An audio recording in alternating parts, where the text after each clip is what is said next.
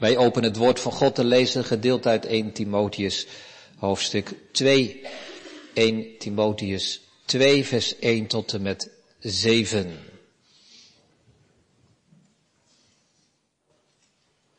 Deze brief maakt deel uit van wat wel de pastorale brieven worden genoemd.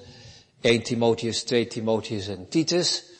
Dat zijn brieven die Paulus geschreven heeft, niet zozeer aan gemeenten in het geheel als Rome of Korinthe of in Galatië, maar aan personen, Timotheus en Titus, omdat zij de taak hadden om opzicht te houden over de gemeente. Zij waren pastor, herder. En daarom worden dit de pastorale brieven genoemd. En het is dan ook niet verwonderlijk dat deze brieven gaan over het gemeenteleven allerlei zaken over het leven in de gemeente, de gang van zaken in de eredienst, de voorgangers, de opzichters, ouderlingen en diakenen. Allerlei onderwerpen komen langs, zeker in hoofdstuk 2 en 3. Wij lezen uit die paar hoofdstukken het gedeelte van hoofdstuk 2, vers 1 tot en met 7.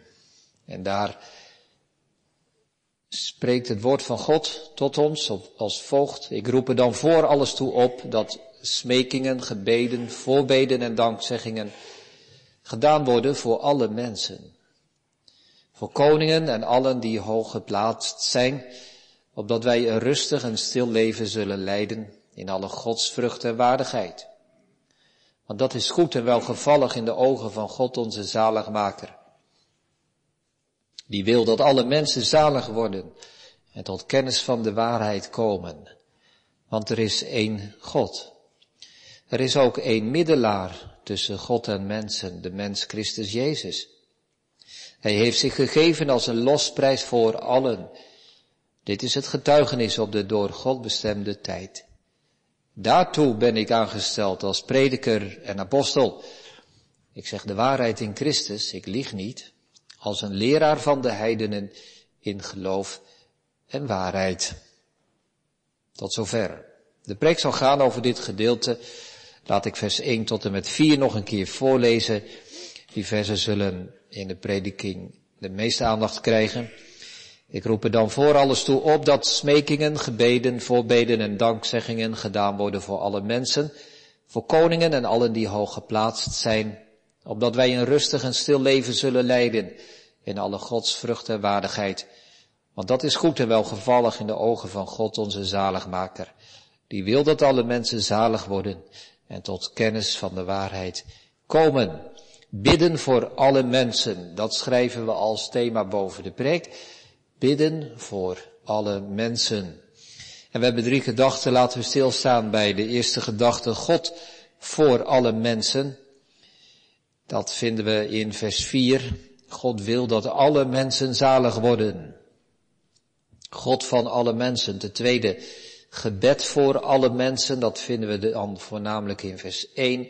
Ik roep er dan voor alles toe op dat smekingen, gebeden, voorbeden en dankzeggingen gedaan worden voor alle mensen. Gebed voor alle mensen. En in de derde gedachte, gebed voor overheid en samenleving op grond van vers 2. Gebed voor overheid en samenleving als wij de oproep en opdracht krijgen om te bidden voor de koningen en alle die hoog geplaatst zijn. Bidden voor alle mensen is het thema dus. Drie gedachten. God van alle mensen, gebed voor alle mensen en gebed voor overheid en samenleving.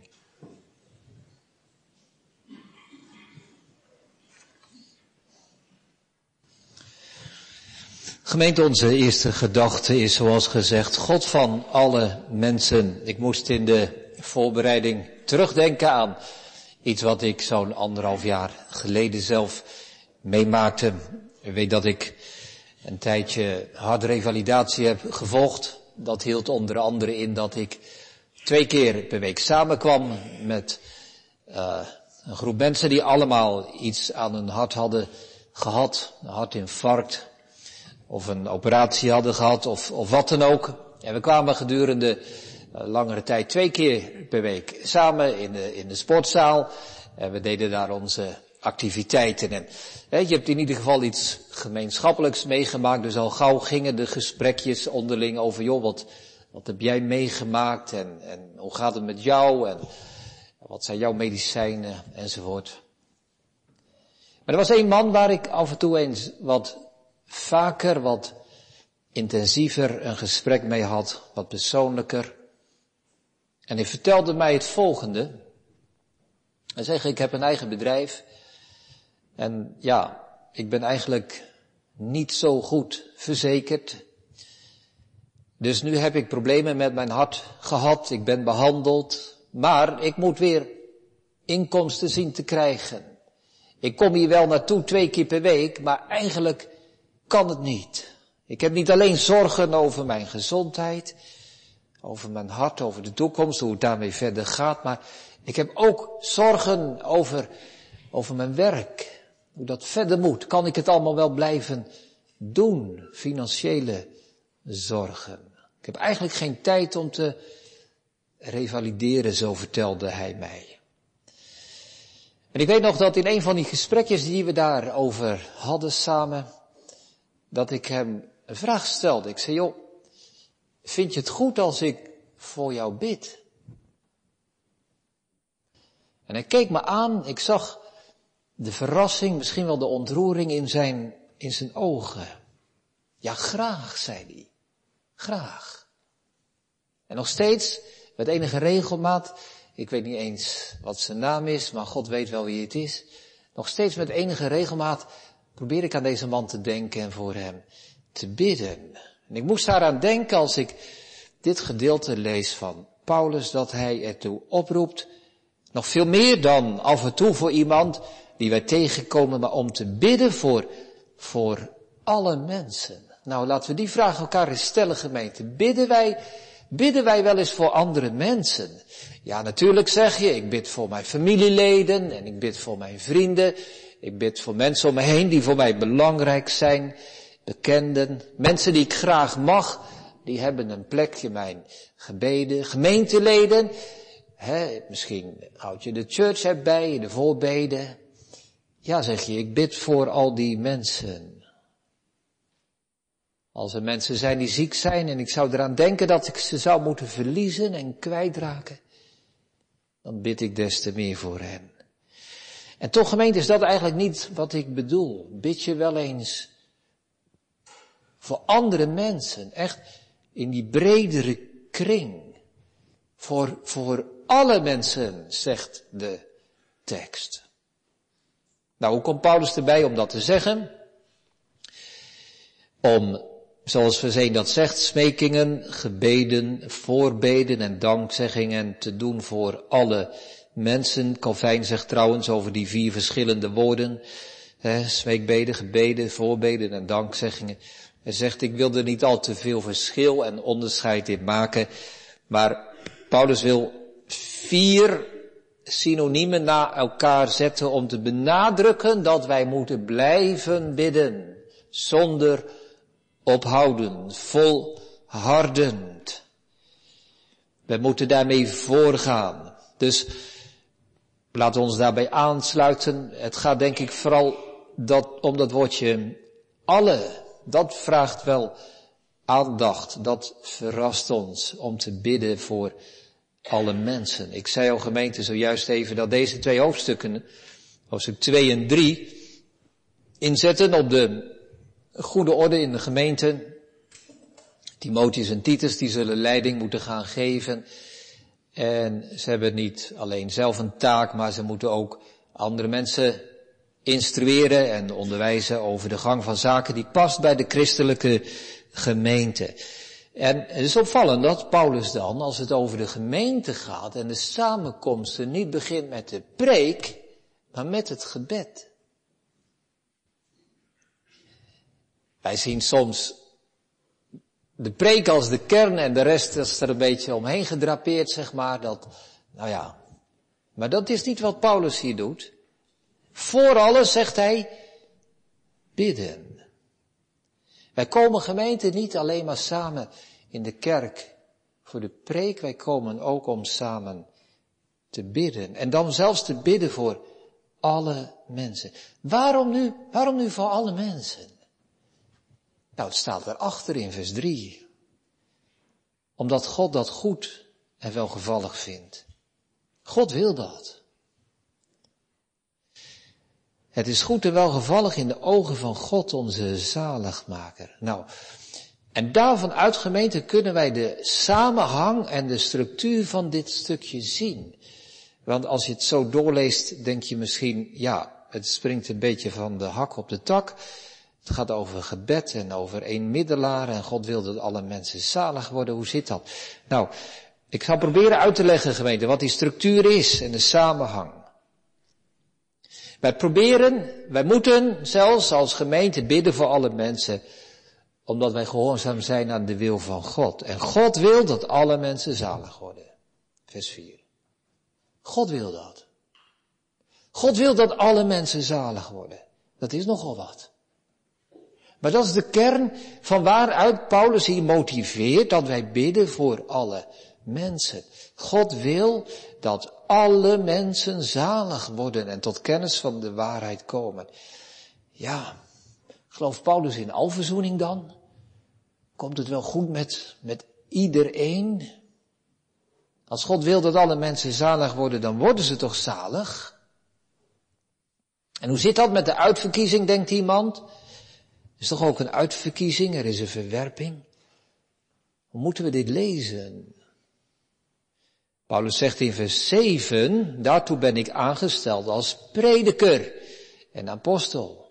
Dus hij betrekt dit op de prediking. De boodschap van redding door Jezus is bedoeld, is bestemd voor alle mensen. Dus wat hij in zijn prediking moet zeggen is dat God wil dat alle mensen zalig worden. Niemand uitgezondigd. Vers 5, want er is één God, er is ook één middelaar tussen God en mensen, de mens Christus Jezus. God is de God en de schepper van alle mensen. Ja, er is maar één God. Heeft alle mensen gemaakt. Er zijn geen twee goden. Kinderen, stel je voor dat er twee goden waren. Ja, daar zou de helft van de mensheid de ene God aandienen, aanbidden en de andere helft die andere God. En dan kun je zeggen, ja, er zijn twee goden, dus hè, ze krijgen allebei de helft van de mensen. Nee, zegt Paulus, er is maar één God. Hij heeft alle mensen gemaakt. En al die mensen moeten voor een zaligheid, dus bij deze, God zijn. Er is ook maar één middelaar tussen God en mensen, de mens Christus Jezus. Alle mensen moeten bij Hem zijn. Dat laat ons iets zien, gemeente, dat God niet alleen de God van christenen is,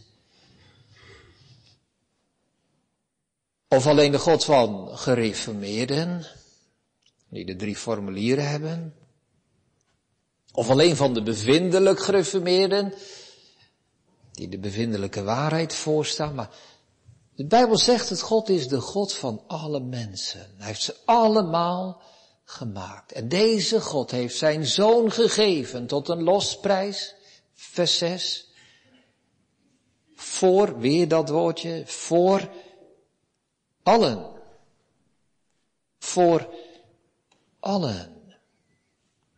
Nou, dit zegt onze tekst. Er is één God en die wil dat alle mensen zalig worden. Spurgeon die zegt, ja, er zijn wel van die theologen, zegt hij, van die predikers en die gaan dan uh, het over deze tekst hebben en dan gaan ze hem uitleggen en verklaren en dan zetten ze hem in de context of ze zetten hem buiten de context en, en ze nuanceren het en ze vergelijken het met andere teksten en ze zijn ermee bezig en uiteindelijk zijn ze klaar met hun exegese, zegt Spurgeon en dan zeggen ze nou, geliefde gemeente, deze tekst uiteindelijk wat die betekent is dat God niet wil dat alle mensen zalig worden. Nou gemeente, zover laten we het vanavond niet komen.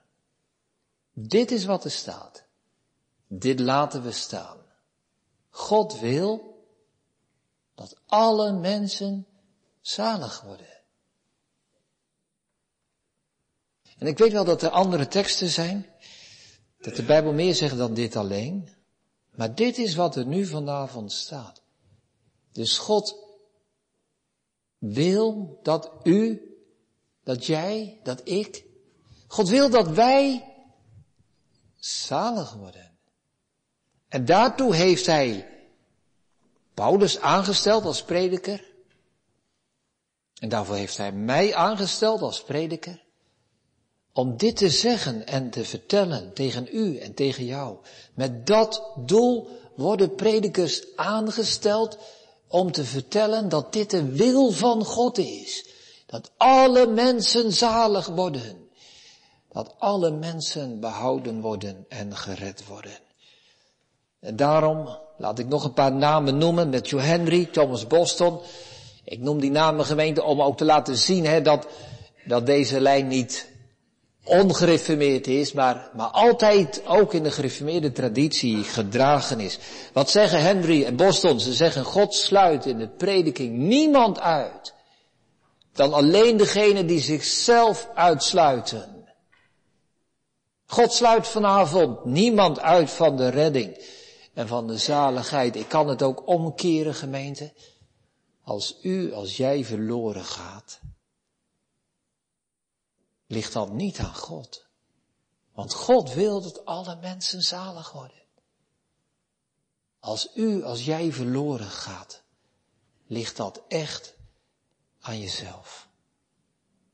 Paulus zegt hier niet dat, dat de gebeden en de eredienst van de christelijke gemeente eh, samengevat zouden kunnen worden in de gedachte, het, zou, het zou toch wel een eeuwig wonder zijn als er eentje zalig wordt. Nee, gemeente, dat is niet wat Paulus hier zegt. Weet u wat hij zegt? Het zou een eeuwige ramp zijn als er toch één verloren gaat. Er moet iets mis, dramatisch misgaan met u en met jou. Als je vanavond hoort dat God wil dat jij zalig wordt. En je zou toch verloren gaan. Ik verdedig natuurlijk geen alverzoening, in tegendeel. Maar ik zeg vanavond wel dat God wil dat alle mensen zalig worden. Hoe kun je verloren gaan als er zo'n God is? Als er zo'n middelaar is? Als er zo'n evangelie is? God van alle mensen. Hij vraagt vanavond niet gemeente dat wij dit begrijpen en allemaal op een rijtje krijgen en alle teksten naast elkaar zetten. Hij vraagt niet wat onze dogmatiek is of zo. Hij vraagt niet wat je altijd gedacht hebt en geleerd hebt. hij vraagt of wij dit geloven. De uitdrukking die daarvoor hier gebruikt wordt, vinden we in vers 4. Tot kennis van de waarheid komen. Dat is mooi gezegd. Wat is geloven? Tot kennis van deze waarheid komen. Dat je dit gaat zien. God wil dat ik zalig word. Nou, als je dat ziet en als je die kennis verkrijgt, dat is geloof. Laten we dus vanavond gemeente niet ons eigen beeld van God oprichten en onze eigen weg naar de zaligheid bedenken, maar laten we ons nederig neerbuigen voor wat God zegt. Dat er één God is, één zaligmaker en één middelaar voor alle mensen. En zo komen we bij de tweede gedachte, gebed voor alle mensen. Wat is nu een christen? En wat is de christelijke gemeente? Dat kunnen we nu gaan zien vanuit dit verband. Wat zijn christenengemeenten, laat ik het zo zeggen, dat zijn mensen die overtuigd zijn geraakt van de goedheid van God. Die kennis hebben gekregen van deze waarheid over de wil van God. Zou dat niet de kern van geloof zijn? Dat wij gaan zien dat God zo goed is, zo mild. Waarmee Hij wil dat alle mensen zalig worden. Is dat niet een gelovige? Ja, dat is een gelovige die deze God is gaan leren kennen. En de ene middelaar die zichzelf tot een prijs gegeven heeft, een losprijs, tot in de dood. We kunnen zeggen, gemeente, dat wij geloven, ieder van ons mag zeggen, ik geloof, als ik aanvaard dat God wil dat ik zalig word. Dat is geloven. Kijk, ongeloof keert dat om, hè. Ongeloof zegt, ja, ik wil wel. Ik wil wel. Maar ik denk dat God niet wil. Dat is de taal van het ongeloof. En de taal van het geloof zegt, God wil zo zeer, zo graag dat ik zalig word, dat Hij zelfs mijn onwil overwonnen heeft en mij gewillig heeft gemaakt om Hem te geloven. God wil het zo graag dat Hij mijn onkunde weg heeft gedaan en mij kennis van de waarheid heeft gegeven. Nou, als dat de kern is van geloven gemeente, dan moet dat tot uiting komen, tot uiting komen in ons gebed. Als God wil dat alle mensen zalig worden, dan gaat de christelijke gemeente bidden voor alle mensen. Als God niemand uitsluit, sluiten wij ook niemand uit.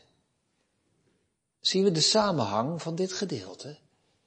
Zien we waarom Paulus het zo belangrijk vindt dat wij bidden voor alle mensen? Amesius, weer een andere oude schrijver, die zei, in de preek wordt de wil van God bekendgemaakt. Met de bedoeling dat onze wil daarin meegenomen wordt. En zich aansluit bij de wil van God. Dat is prediking. Vers 7. En bidden, zegt hij, bidden is dat wij onze wil aan God vertellen. En hopen dat God zich aansluit bij wat wij willen. Mooi gezegd is dat. De prediking is eerst de wil van God. En God laat zijn wil horen, opdat wij ons daarbij aansluiten. En omgekeerd, in het gebed, bidden wij tot God, Heer, wij willen. Wij verlangen en smeken u. En doen voorbeden voor alle mensen en vragen u om ze zalig te maken. Dus dat is bidden. Gelovigen laten in hun bidden zien wie God is. Daar komt openbaar hoe wij over God denken. Iets van diezelfde gunning en die welwillendheid en die vriendelijkheid. Die bewogenheid met mensen om ons heen moet ook, moet ook ons kenmerken. Dat hoort bij een christen. Gelovigen gaan willen wat God wil. Wij bidden toch, uw wil geschieden. En God wil dat alle mensen zalig worden. En dan bidden wij, uw wil geschieden. Laat alle mensen zalig worden. Laat niemand verloren gaan. Wij verlangen ernaar. Niet alleen ons kleine clubje, ons eigen cirkeltje hè, van mensen die we kennen en die wij waardevol vinden. Maar ook daarbuiten. En daarom, nog een keer gemeente, daarom komen wij samen in de kerk. Niet alleen om dezelfde preek te consumeren, en weer gevoed en tevreden naar huis te gaan, maar om samen te bidden voor alle mensen. Om samen te bidden. Omdat wij, net als God, willen dat alle mensen zalig worden. Nou, dat is een hoog ideaal. Nog een keer Spurgeon. Spurgeon die, hij was predikant in Londen. Veel predikanten in die tijd.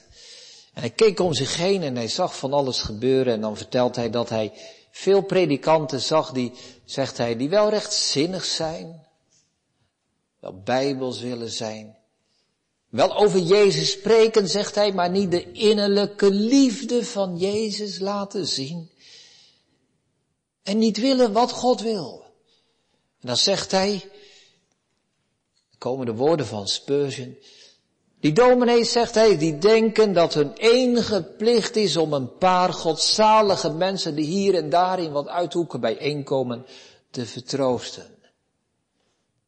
Zondaren zijn voor hen mensen die mogelijk nog wel eens door God bekeerd zouden kunnen worden, als het hem goed denkt. Maar, zegt hij, ze geven er niet veel om of God die mensen nu wel redt of niet redt. Als het gaat over het wenen en over zondaren, zoals Jezus dat deed, toen hij stond buiten de stad en neerkeek op Jeruzalem. Als het gaat over de nodiging van Jezus om tot hem te komen, toen hij zijn armen heel de dag uitbreidde. Als het gaat, zegt Spurgeon, over het klagen van Jeremia Deze tranen liet stromen over een volk dat verloren gaat. Met zulke emoties hebben die predikers weinig op. Ze zijn al de speurs en vooral bang om Arminianen te lijken. Zulke predikers en gemeentes zitten in harde schaal opgesloten en ze leven, zegt hij, alsof hun eigen zaligheid het enige doel van hun bestaan is. Nou, we kunnen die woorden van Spurgeon horen en denken, wat kon Spurgeon er toch kernachtig en krachtig zeggen. Ja, gemeente, dat is de mooie de kant ervan, zeg maar. Maar de pijnlijke kant is dat het niet voorbij is. Dat het niet alleen iets is van vroeger in de tijd van Spurgeon, maar dat dit helaas ook nu nog voorkomt. Dat die bewogenheid van Jezus met alle mensen er niet is. En daarom zeg mij voor wie je bidt, gemeente. En ik zal je zeggen welke God je dient. Zeg mij, dominees, voor wie je bidt. En ik zal je zeggen welke God je predikt. Kennen wij deze bewogenheid? En daarom nog een keer die vraag, hoe vaak bidt u, hoe vaak bid jij voor andere mensen? Voor je collega misschien, of voor je buren, voor je medestudenten, daar in die grote collegezaal. Je kent er een paar, maar lang niet allemaal. Die mensen met wie je een praatje maakt in de winkel, of met wie je samen in de metro zit. Bid je voor die mensen. Wie van ons, gemeente, zo mag ik de vraag ook stellen. Wie van ons komt er naar de kerk om te bidden voor alle mensen? Of komen we echt alleen maar voor de preken, blijven we weg als we denken dat de dominee ons niet aanstaat? Kijk eens wat Paulus zegt in vers 1. Ik roep er dan voor alles toe op, hè? Voor alles, als eerste, als belangrijkste, bidden. Niet bidden voor je eigen hachie, niet bidden voor je eigen clubje, maar bidden voor alle mensen. Want wees eens eerlijk, gemeente. Wie bidt er nu voor de wereld als de kerk het niet doet? Als wij het niet doen, wie gunt de naaste de zaligheid als wij het niet gunnen? Wie willen dat je buren gered worden? Wie willen dat je collega's behouden zullen zijn? Wie willen dat je medestudenten niet verloren gaan als wij het niet zijn? Ik vertelde over die ene man, hè, aan het begin, die zo verrast was en zei ja graag. Er zijn zoveel mensen, ook om ons heen, voor wie niemand bidt. Zouden wij het dan niet doen? Bidden voor de mensen voor wie niemand bidt. Kijk, zegt Paulus, als er één punt is waar de synagoge van de Joden anders is dan de gemeente van de christenen, dan is het hier. In de synagoge wordt ook gebeden, maar de Joden bidden voor het volk van God, voor Israël, voor de Joden. En de christenen bidden voor alle mensen. Voor alle mensen. En Jezus zegt daarbij in Lucas 6, dat wij zegenen hen die ons vervloeken en bidden voor hen die ons belasteren. Zo ver gaat dat. Zelfs de mensen die ons geweld aandoen. Nou gemeente, laten we eens kijken naar onszelf, hè. Hoe kijk ik naar andere mensen? Hoe snel ben ik misschien wantrouwend, minachtend, kritisch? Hoe makkelijker is het om over mensen te roddelen dan voor hen te bidden. Al gauw vinden we iets aan iemand waardoor we vinden dat hij hè, toch wel wat minder waardig is. Lelijke mensen mogen we niet omdat ze lelijk zijn. Donkere mensen mogen we niet omdat ze donker zijn. Oude mensen niet omdat ze oud zijn. Jonge mensen niet omdat ze zo jong zijn. En zo gaan we maar door. We hebben op iedereen wat aan te merken. En voor het weten zijn we zo wantrouwend, zo minachtend, zo laatdunkend en denigrerend over andere mensen. Maar als je dan niet van die mensen houdt vanwege hun uiterlijk, hou dan van die mensen vanwege hun ziel. Ze hebben een ziel. Ze zijn geschapen om God te dienen. Ze zijn voortgebracht door de handen van de schepper. En God wil dat ze zalig worden. Zouden wij het dan niet willen? Want dat is goed, zegt vers 3. Dat is goed en welgevallig in de ogen van God onze zaligmaker. Als wij voor deze mensen bidden. Ik weet het, wij kunnen andere mensen niet bekeren, wij kunnen mensen niet zalig maken. Dat is werk van God. Het is maar één zaligmaker dat is, dat is God zelf, onze zaligmaker. Maar wij kunnen voor die mensen bidden. Wij kunnen aan God vertellen wat wij verlangen en willen. En dan zal Hij het niet alleen kunnen, dan doet Hij het ook. We gaan naar onze derde gedachte, gebed voor overheid en maatschappij. dan staat er in vers 2 gemeente een soort toespitsing bij dat alle mensen van vers 2 gebeden voor alle mensen en dan staat er achteraan voor koningen en allen die in hoog, alle die hoog geplaatst zijn.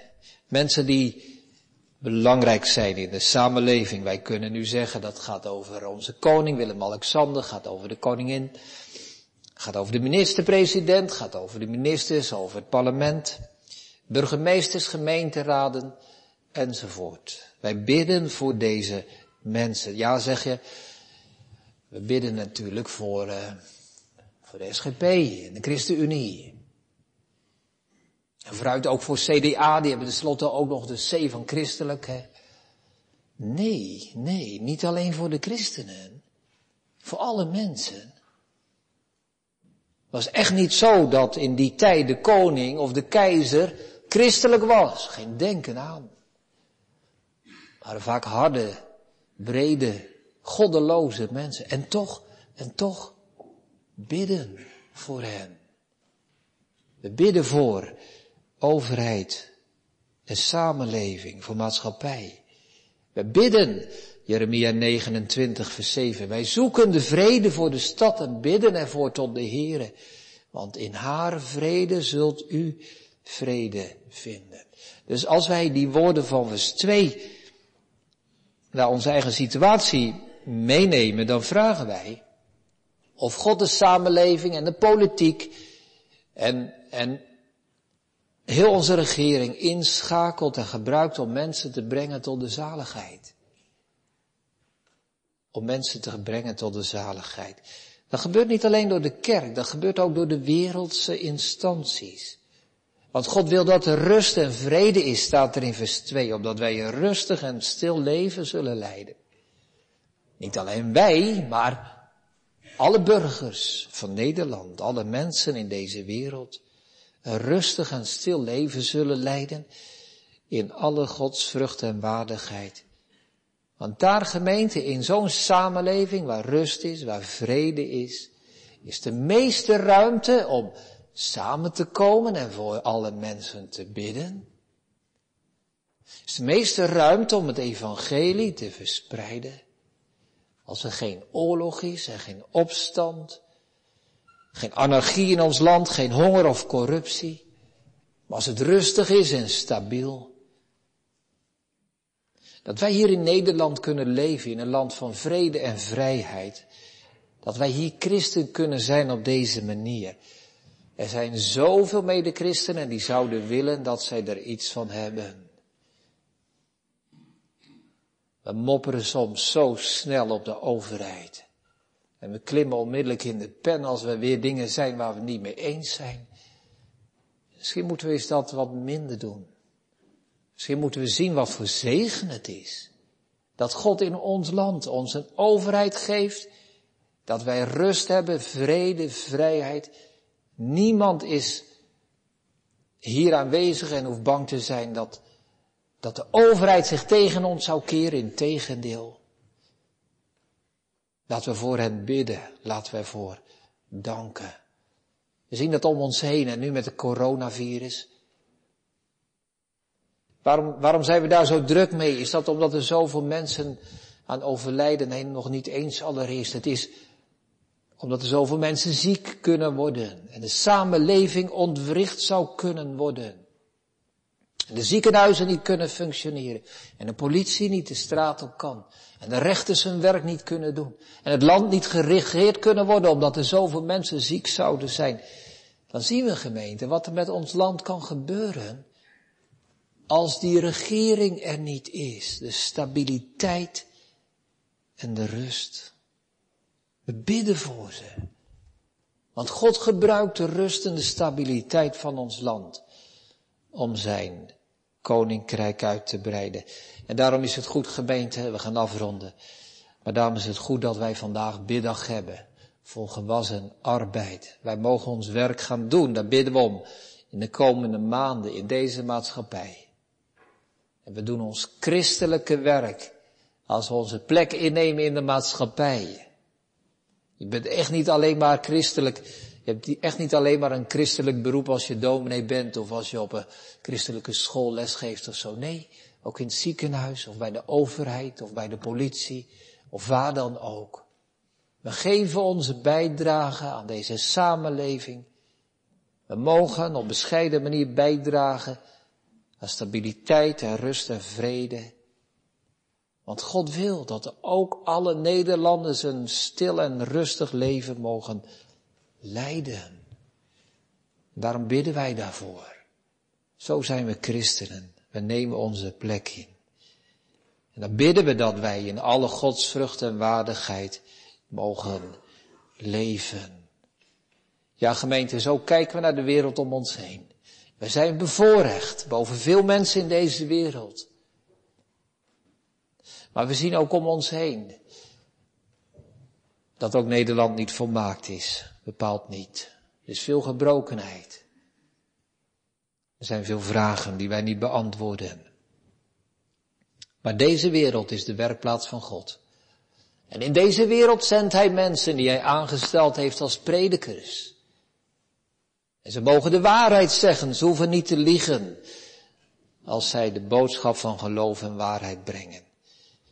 En vanavond ook gemeente. We zijn bij elkaar en we horen deze prediking en we horen de boodschap van God die wil dat alle mensen zalig worden. En wij, we bidden. We bidden niet alleen voor onszelf, voor onze eigen wensen, onze eigen arbeid, ons eigen gewas. Maar we bidden ruimer. We bidden met het doel en met het verlangen om op God te lijken. Die ene God, die wil dat alle mensen zalig worden. Amen.